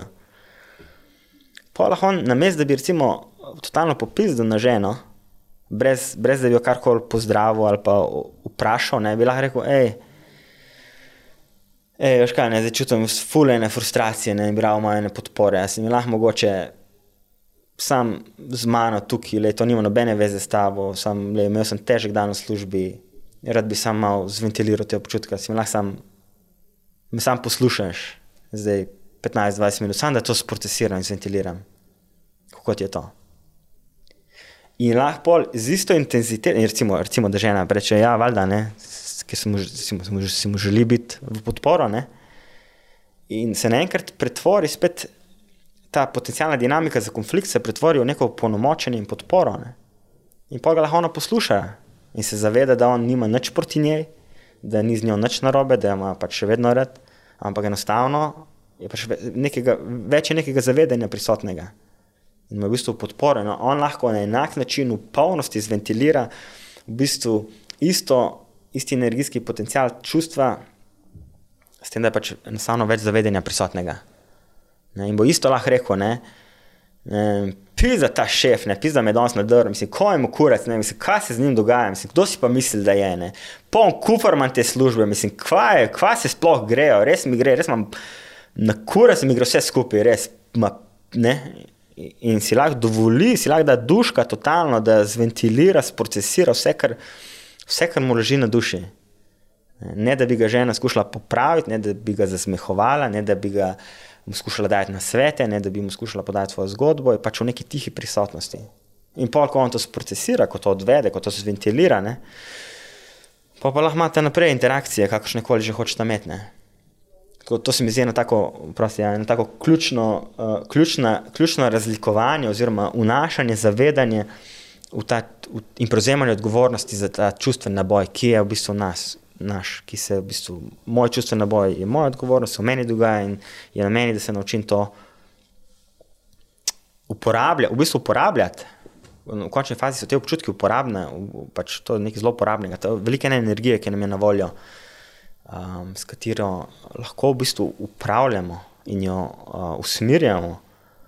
Um, več, ko imamo tega zavedanja, bolj jo lahko zavestno usmerjamo tja, kjer mislimo, da bodo naše potrebe boljše zadovoljene in boljše podprte v tiste projekte. Kaj pa recimo razlika med kričanjem in um, tem le ša, šakaljem? Mm. Narediva tudi kar primer. Ja, kar kar. Ker ti lahko kričiš tudi po žirafiji. Ja, ja no, to je tudi spet, ja, da ni treba. Ne, ne, ne govorimo, ko govorimo tudi o tej empatiji, ne, to ne pomeni, da moramo biti zdaj prijazni ali pa z nekim mm. nizkim tonom. Tle smo lahko tudi zelo na glas, zelo visoko intenziteto to sporočimo. In tle je spet stvar zavedanja. Ne, če sem jaz, recimo, vem, recimo, da je ajde v službi. Neko poročilo ni bilo, neko pomembno poročilo ni bilo dano, recimo ta primer. Ne? In zdaj, jaz, recimo, kot šef, to zvem. In kaj se to zgodi? Ne? Ta observacija, da to poročilo ni oddano, v meni se sproži sam naval ene frustracije in jezene. In zdaj, če spet, če nimam tega zavedanja, te frustracije in jeze, če se tega ne naučim alkimizirati, pa bom šel dejansko spet gor v glavo in bom iskal nekega krivca. Ne? In bi lahko spet šel ne, do njega sodelovati in bom spet vsta, vse te občutke, ne, vse te frustracije bom zvrnil na nekoga drugega, bom obtožil nekoga drugega. In bi to, to lahko zgledal, recimo, um, vem, recimo do odnosa do sodelavca. Pa, kaj si normalen, ali kaj, za stokrat sem ti fakt in povedal, da mora biti to poročilo dano, in ti še vedno tega ne narediš. Mislim, kaj je s tabo narobe? Kaj si normalen? Mislim, le, mislim, le, še eno tako, še enkrat, da to, to poročilo ni oddano, le, jaz te bom odpustil, mislim, le, briga me. No? Mislim, poln kufr manj tega. Recimo, ne? da na tak način ventiliram. Če pa kot šef imel več tega zavedanja in teh kapacitet, bi jaz lahko, recimo, spet, ko pride ta informacija do, me, do mene in začutim to frustracijo, bi lahko vzel, zajel par globokih vdihov,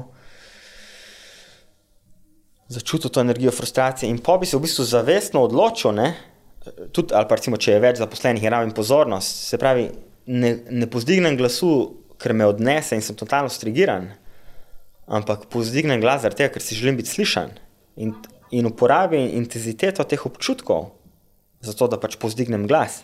Ne? In to je čist pač razlika v tem, da je več zavedanja, kaj si jaz dejansko želim. Ne?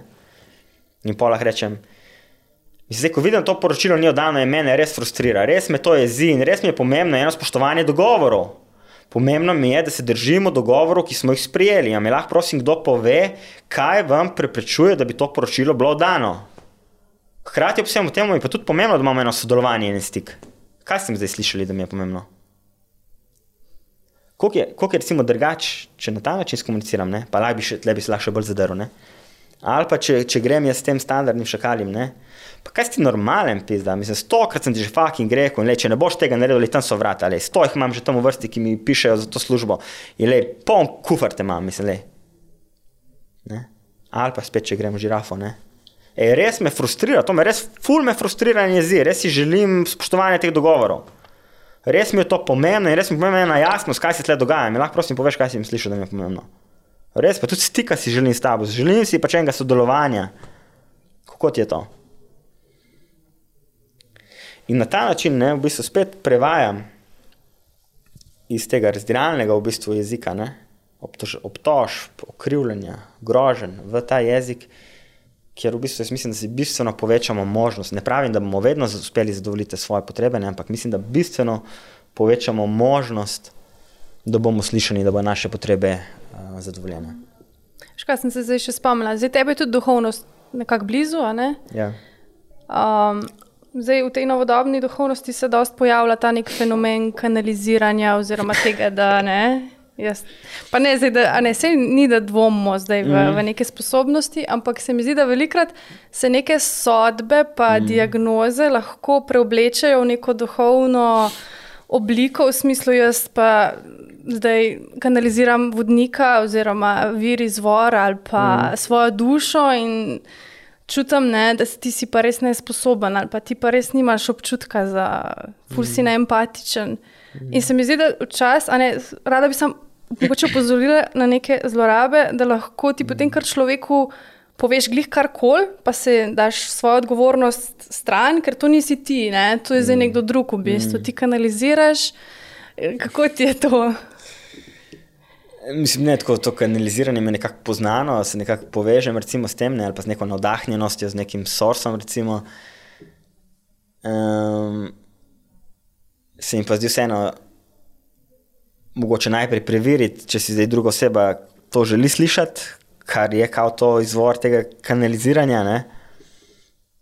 Um, po drugi strani, če, če ti pa nek uh, resurs, ki ga kanaliziraš, če ti reče, ti si nesposoben, stari, sorry, le zaključi. Ne? Se mi zdi, da je to nek, jaz bi rekel, to je nek, ne, neka tragika, je prisotna. No? Pa če gre za neko obsodbo. Pa, pa neke težave, da ti, ti tako, to so mogoče ljudje, ki ti bodo povedali, s čim imaš ti težavo. Ja, zdaj spet, ja. zakaj, zakaj bi mi šel to nekdo govoriti? Tako, spet, spet mi zdi sploh mm. ključno vprašanje, zakaj bi šel nekomu iskati um, odgovor na tako vprašanje. Um, ker se mi zdi to spet. Mogoče ja, to je ta, nek, ta New Age-ski trend, da spet dajemo ogromno svoje moči, dajemo drugim ne, ali pa nekim vodnikom medtem ko je meni bliže. Ne? Ok, se lahko grem, pač, ne, pa dobim mogoče nek insight, ampak v smislu, veš pa se vprašati, kako ta informacija pristane v mojem telesu. Tam spet je svoje telo, vse imamo, smo res, imamo ogromno ene moči in če mi je una informacija tega človeka, ki mi kanalizira, če to, to resonira z mojim telesom, kako se jaz počutim, ko prejmem to informacijo? Je to občutek, občutek frustracije, ne? a, občutek neke, a je neka resonanca prisotna? ali je nek mir, ali je neko, ne, neko strinjanje. Kaj je spet, imamo eh, zelo velik feedback, se mi zdi, da nam lahko dajo, nam daje naše telo lahko. Um, in spet, moje povabilo, ali kar je meni bliže, je pač sicer ja, iskati mogoče stik s, s to neko navdahnjenostjo, ampak raje še boljš pa stik s telesom. Ne? Sej, jaz, če, če se ne znajdem v življenju, če je prisotna neka občutek neke zmedenosti, kaj so moje potrebe, ok, jasno, kaj lahko naredim, kje so različni resursi, k katerim lahko grem. Raj kot slep, da slepo verjamem za tam nekom človeku, ki pač kanalizira nek resurs. Ne da bi se sploh vprašal, um, a to dejansko podpira moje potrebe. To se mi zdi tudi tako, um, lahko ena past vseh raznih pristopov, tudi ne nasilna komunikacija, tudi ena zgodba in pristop. Ampak če govorimo o duhovnosti, da kar slepo sledijo ljudje potem nekemu, ki gurujo, ali nekemu, ki kao ve, ne, nekemu ne, jogu, gurijo, nekemu uh, šamanu, whatever. Ne. In kar slepo verjamem, ne da bi se vprašali, če me ta pristop dejansko, a me podpira. Tako dejansko. A so moje potrebe, kje, kje potrebe skušam jaz le zadovoljiti? Ne? A, a dejansko, a dejansko moja potreba po neki, ne vem, v nekem miru, je dejansko zadovoljena. Ali verjamem nekemu mišljenjskemu vzorcu, ki se glasi v smislu, on ve, on ve, ne? njega moram poslušati, oni so pravi, ne? ni moram slediti. Tako je prav, da sledim. Ne? Pa bodi si kjerkoli je to, ne vem, neka religija, kjerkoli, kjerkoli, kjerkoli duhovni pristop, kjerkoli praksa. Zanimivo se vprašati, kako se jaz ob tem počutim. Pa ne pravim, da ne, da ne smemo slediti. Ne? Sam, da, sem, da je neko ta discernment, neko, da, da se vprašam, kako se jaz v tem čutim, katere potrebe skušam tle zadovoljiti. Ne? A je to edini način, a je to pravi način, s katerim lahko zadovoljim um, čim širši spekter svojih potreb. In, ali pa da sem celo še v obziru do potreb ostalih, ne vem, tle slišim zgodbe, kako pol folk, vem, proda bajta vse. Pa, ne, za te neki guruje, ki mi je on skanaliziral neki kaj pa potrebe, ne vem, če si starš, kaj pa otroci, pa partnerka, tako ne, spet vabilo nenasilne komunikacije, stik s svojimi potrebami in kako smo lahko obzirali tudi do potreb drugih, ne še posebej naših bližnjih. A se tebi zdi, da smo vsi pač kdaj malo narcisi, pa psihopati, ker v bistvu biti narcis pomeni, da si tok nesposoben tega stika z tvojimi mm. potrebami in hkrati s potrebami drugega. Je pa res, da vsak dan je malo drugačen, en dan si naspan, se počutiš v redu, imaš ful večjo to kapaciteto, da pač si lahko v stiku in s sabo in z drugimi, pride pa dan, ki pač že tako ti gre vse na robe, nisi dobro spal, slabo se počutiš, imaš pa manjšo to ne, kapaciteto, da lahko neki. Um, Prečutiš in, in, in sploh sprejmeš. Tako da po tej logiki, pa v bistvu smo vsi kdaj, ne? če nimamo tega stika, smo malo narcisoidni. Mm. ja, no, mogoče prva stvar, uh, narcisizem ali pa narcisidna motnja ali pa psihopatija, to so spet neke diagnoze. Ne. Zdaj, zakaj bi nekoga okarakteriziral za psihopata ali pa za narcisa? Verjetno zato, ker v odnosu do tega človeka določenih potreb nisem uspel zadovoljiti uspešno. Ne.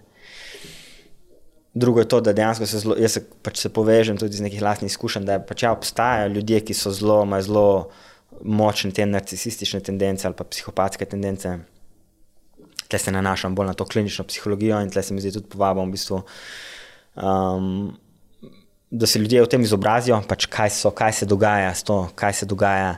Kaj pomeni ta narcisoidna motnja, te narcisoidne tendence, kaj pomeni, kaj je psihopatija, ne v smislu obsojanja, ampak kaj, ta, kaj so te karakteristike, oziroma sociopatija. Um, če si zaradi izvedika lastne zaščite, ki so lahko ti uh, ljudje, ki imajo te tendence, so lahko zelo. Um, um, pač ja, triki je, ne, kako se mi zdi, da je fajn se izobraziti v tem. No, to je prva stvar, ki je povedala. No. Ampak to je bolj področje te klinične psihologije. Um, kot drugo, če pa recimo, če izuzamemo to, da je nekdo, da ima nekdo recimo prav klinično diagnozo psihopata, psihopatije ali pa ner, ner, osebe z narcisoidno motnjo pa se poveže s tem, ko se reče, v bistvu gre za nek spekter. Ne? Če pogledamo, na eni strani imamo psihopatijo, na drugi strani imamo empatijo. Zdaj, na tem spektru nekako osciliramo, po mojem, kot se je rekla, vsak dan, kakšen dan. Kaj spet to pomeni? Empatija, da imam kapaciteto uživanja v svoj čustven svet in v čustven svet ostalih ljudi. Ne? Psihopatija pomeni pa, da nimam te kapacitete sploh, ne? sploh se ne morem povezati s svojim čustvenim svetom, zaradi tega pa kaj šele s čustvenim svetom drugih, ne? zaradi tega lahko ljudje s psihopatskimi tendencami škodujejo drugim, ne, pa nimajo sploh nobenega odziva, ne, če se jih ne dotakne, ne, ker je pač to nekako odrezano. In če ostanemo malo pri tem spektru, da v bistvu ja, osciliramo, nihamo, ne, kakšen dan imam ogromno kapaciteto ne, in lahko v bistvu sem totalno empatičen in ljubež do, vem, do otroka, do partnerke, do, do vseh. Ne. Kakšen dan je pa pač ta kapaciteta, ker določene potrebe moje niso zadovoljene ali pa od kogarkoli, ne, se pa potem bolj nagnem k tej psihopatiji ne, oziroma zmanjšani kapaciteti za empatijo. In spet mislim pa, da se da s treningom, se da jačati to sposobnost. Tudi če je nekdo zelo nagnjen k psihopatiji, ne, oziroma sociopatiji, ne, mislim, da se da s treningom, pač to mora biti nek dedication, ne, uh, skozi, skozi leta, verjetno, um, da se da pridobivati na tej kapaciteti. Enako velja za to, za ta, za ta, uh, za to narcisizem in to soodvisnost, za ta spektr. Ne, rekel. Zdaj, ko smo govorili o tem projiciranju čustev, ne, to se danes tudi se mi zdi zelo dogaja na družbenih omrežjih, mm. ko malo gledamo komentarje in tako ogromno enega besa se, se um, tam nekako procesira, oziroma ne procesira, da je ven. Mm. Ker gledaš pa neko objavo, nek članek, pa ti ni jasno, kako lahko nekoga tako strigira, ena objava, recimo na, mm. na Facebooku. Pa to se lahko vsakmu od nas zgodi, da te nekaj strigira, ki skrolaš, pa je ena oseba, ena objava. Kaj bi recimo svetoval, da narediš takrat, ko te, se pravi, ti skrolaš in te neka močna čustva mm. pri nečem se vzbudijo. Kaj narediti takrat, ne? da ne mm. rabiš takoj tipkati mm. manično? Uh. Mislim, ja, spet, spet v bistvu tle ta proces samo empatije. Ne? To je podobno kot komunikacija. Da najprej da se zavedam, da je to nek trigger, ne tle nek zunani trigger, v smislu, ker sem nekaj prebral da lahko vzpostavim stik s svojim telesom, kira čustva se v meni procesirajo, kjer občutki so prisotni, jih provam nekako zaznati, identificirati, kaj so moje potrebe zdaj. Ne? Kaj je moja potreba zdaj, ne vem, po videnosti, slišanosti, po, po um, biti slišan s nekim svojim pristopom, po mogoče neki varnosti, zaščiti, ne vem, odvisno, kaj je zdaj zares potreba. In potem, da se vprašam, zdaj, če bom jaz se odzval in to napisal, ne, ali bom, bom dejansko povečal možnost, da bom to potrebo zadovoljil ali ne. Tako se mi zdi, doskrat se mi zdi, da prek teh socialnih omrežij imeti neke globoke debate, mislim, da ni zelo, um, kako bi rekel, uh, plodno. Ne. Se mi zdi, pol, če je res meni, ne vem, da je nekdo nekaj povedal in res čutim neko frustracijo in mi je res pomembno, mogoče več neke jasnosti. Ne. Mogoče bi bila boljša strategija, da to osebo pokličem, recimo, ali pa se dobiva na kavi in imamo pol dialog okrog tega, recimo komentarja, če je tako, tako živo. Ne? Drugače mi pa zdi, mogoče še zakaj se to tega dogaja. Um, jaz bi rekel, da je to nek način sproščanja teh nekih tenzij in frustracij. Ne? In spet se mi ne zdi nič, nič se mi ne zdi narobe, če je tle neko zavedanje od zadaj, da to delam. Ne?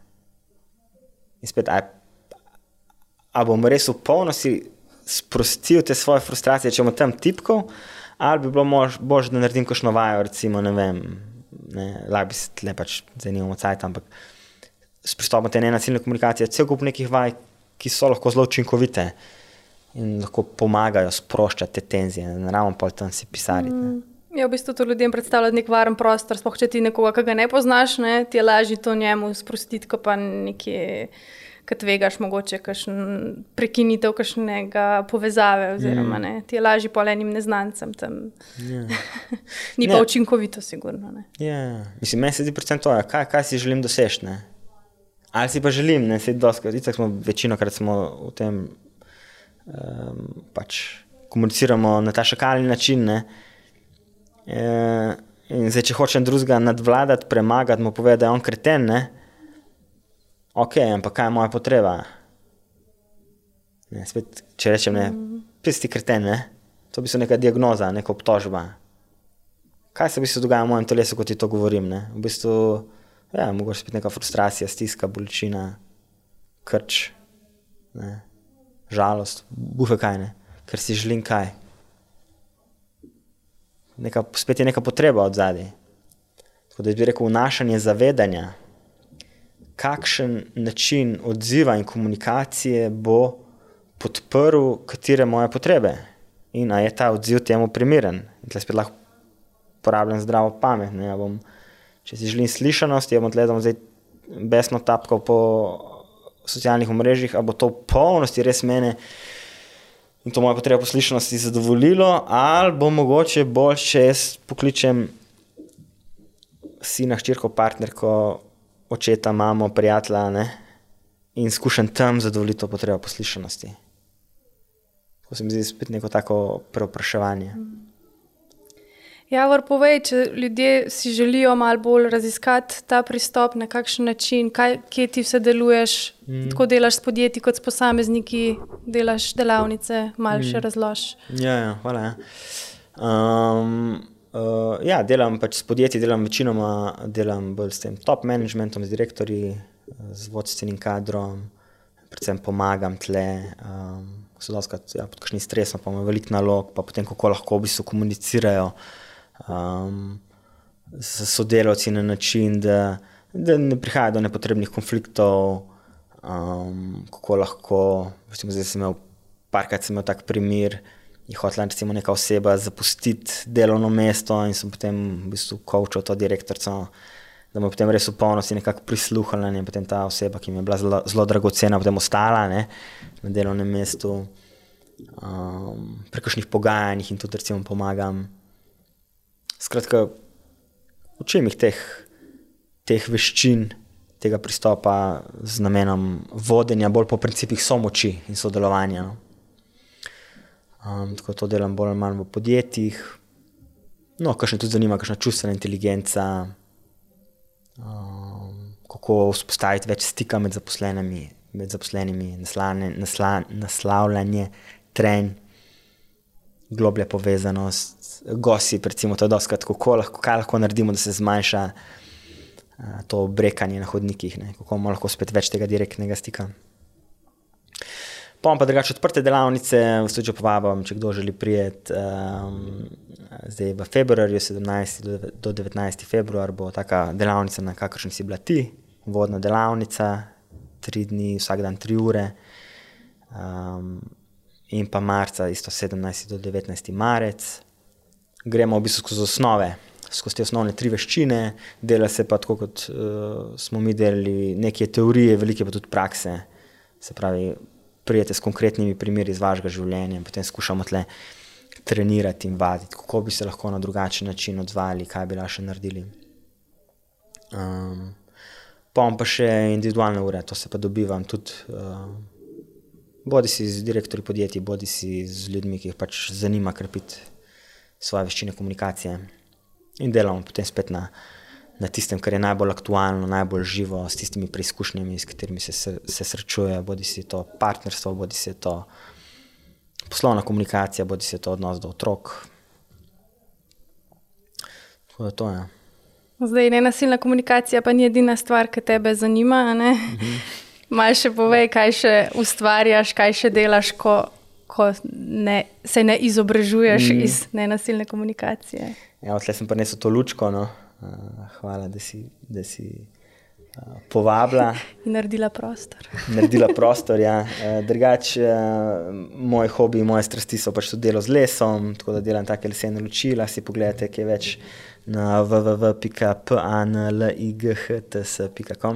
A se lahko spomoviram. Ja. ja. si se že. In uh, um, ja, rad te stvari izdelujem, tudi kakšno tako unikatno pohištvo, obuhinjem imam hiško. Um, če si kdo želi, si lahko pogleda pod uh, lake.si. Tako da, ja, to so neke moje strasti, izdelovanje iz lesa, kreativno izražanje, glasba. Tudi, tudi glasbene večere imaš? Glasbene večere imam, ja naslednji bo zdaj 20. februarja, tudi če si kdo želi um, se udeležiti, je posvečena vsem tem nekim vilinskim navdihom narave. Blizu me ta praksa sodobnega šamanizma. Um, vse to skupaj bolj se skozi mene odvijanja, skozi glasbo, skozi ta glasbena popotovanja, posvečena tem naravi, kvalitetam narave. Um, zdaj delam en večji kipenga zmaja, obuhinjo tudi. Guvic bo posvečena ga bomo lahko videli, ko bomo šli na sprehod okoli Bohinjskega ja. jezera. Da moramo še krila narediti. Kje si se pa naučil tega ustvarjanja? To sem v bistvu samo uk. E, oziroma, študiral sem pri Marku Pogačniku, to šolo geomantije, pa sem se pa skozi to nekako začel povezovati z naravo in prijemal te navdihe, in polih sem jih začel nekako dejanjati skozi to delo z lesom. Um, ja, tako, to so neke take strasti. Se mi zdi pa, da grejo tudi dost uh, roko v roki uh, s temi komunikacijskimi veščinami, s travmami. Tle se mi zdi, vem, da so te tudi travme zelo blizu. Da je, to, da je ta ideja, ki prej smo govorili o tem opolnomočenju, da je prisotna tudi v naših legendah, recimo legenda Zlatorogu, ne, da v bistvu skozi rano, skozi svojo ranjenost, v bistvu, ko pojeta triglovsko rožo, ne, se pozdravi, pridobi na svoji moči. Ne. Tako to se mi zdi nek cel ta proces stika s telesom, z našo ranljivostjo, z našimi ranami, travmami. Da je skozi ta proces lahko v bistvu požanjemo veliko neke kreativne energije, velike ne moči, ki jo potem lahko udejanjamo v bistvu nekih kreativnih. Uh, Pač neke kreativne načine, ne? bodi si to neki hobi, glasba, izdelovanje z lesa, bodi si katerikoli drug projekt, ki si ga želimo manifestirati, bodi si odnosi, karkoli nam je pač blizu, karkoli si želimo. No? Da, ja, se mi zdi tako vredno raziskovanje. No. Hvala, Javor, za vse tvoje um, nasvete. Upam, da je vsak dobil kakšen navdih za izboljšanje komunikacije in naših odnosov. Uh, se pravi, uh, o tvoji uh, delu v nenasilni komunikaciji najdejo podatke tudi na www.javorvogelnik.com. Pikako, ja, pa na Facebook strani mhm. Javor Vogelnik, komunikacijske, komunikacijske veščine, veščine, pa mhm. imaš tudi YouTube, pa mhm. Instagram, pa ja. TikTok tudi. TikTok sem si zdaj kar naredil. Ja. Okay, pa si vse prisoten. ja, skušam nekako manevrirati. Ampak YouTube kanal, mogoče najbolj. No, to, to tudi, če koga še kaj zanima, no, to, mi je, to mi kdaj fajn narediti. Če, ima, če imate kakšno vprašanje, uh, mi lahko napišete na mail, uh, najdete na spletni strani. Uh, in potem skušam odgovoriti v obliki YouTube posnetka. Pač Snemam se, ne vem, vsake par tednov se posnamem in potem odgovarjam na vprašanja, ki jih imajo, uh, predvsem v zvezi s komunikacijo. No. Uh, zdaj, če pa koga res zanima tudi ta tematika tega šamanizma in tega lahko tudi mogoče o tem povem, no, ampak bolj ja, je namenjeno tem komunikacijskim veščinam. Ja. Tako da, ja, hvala tebi, da si, da si me gostila, da ste me gostili um, pa mogoče še kdaj, kakšno rečemo. Z veseljem. Zdaj pa gremo trenirati nenasilno komunikacijo v naše odnose. Mogoče s čim bi um, zaključila, s tem, mogoče s tem fokusom, ne, da vsaj za začetek probamo biti bolj pozorni, kaj se dogaja v našem telesu, mm. kje čutim, kaj čutim, mm. potem pa tudi ta fokus na drugega, ne, kaj se v njemu dogaja. Že s to pozornostjo lahko veliko naredimo za začetek. Ne? Ja, ja, neko zavedanje, ne, da v bistvu je vsak komunikacijski odziv poskus zadovoljevanja potreb. In iz tega izhaja, mogoče lahko s tem zaključimo, tega, iz tega izhaja teza, da verbalno nasilje, vsaj z vidika nenasilne komunikacije, ne obstaja, ker v bistvu vsak komunikacijski odziv je tragičen, oziroma poskus, s katerim skušamo zadovoljiti določene svoje potrebe. In se da to v bistvu s treningom, uh, se lahko naučimo razmejevati oziroma razbirati te potrebe, ki se skrivajo za temi tragičnimi, napadalnimi načini komuniciranja. Super, hvala. Srečno. Hvala vam. Ja.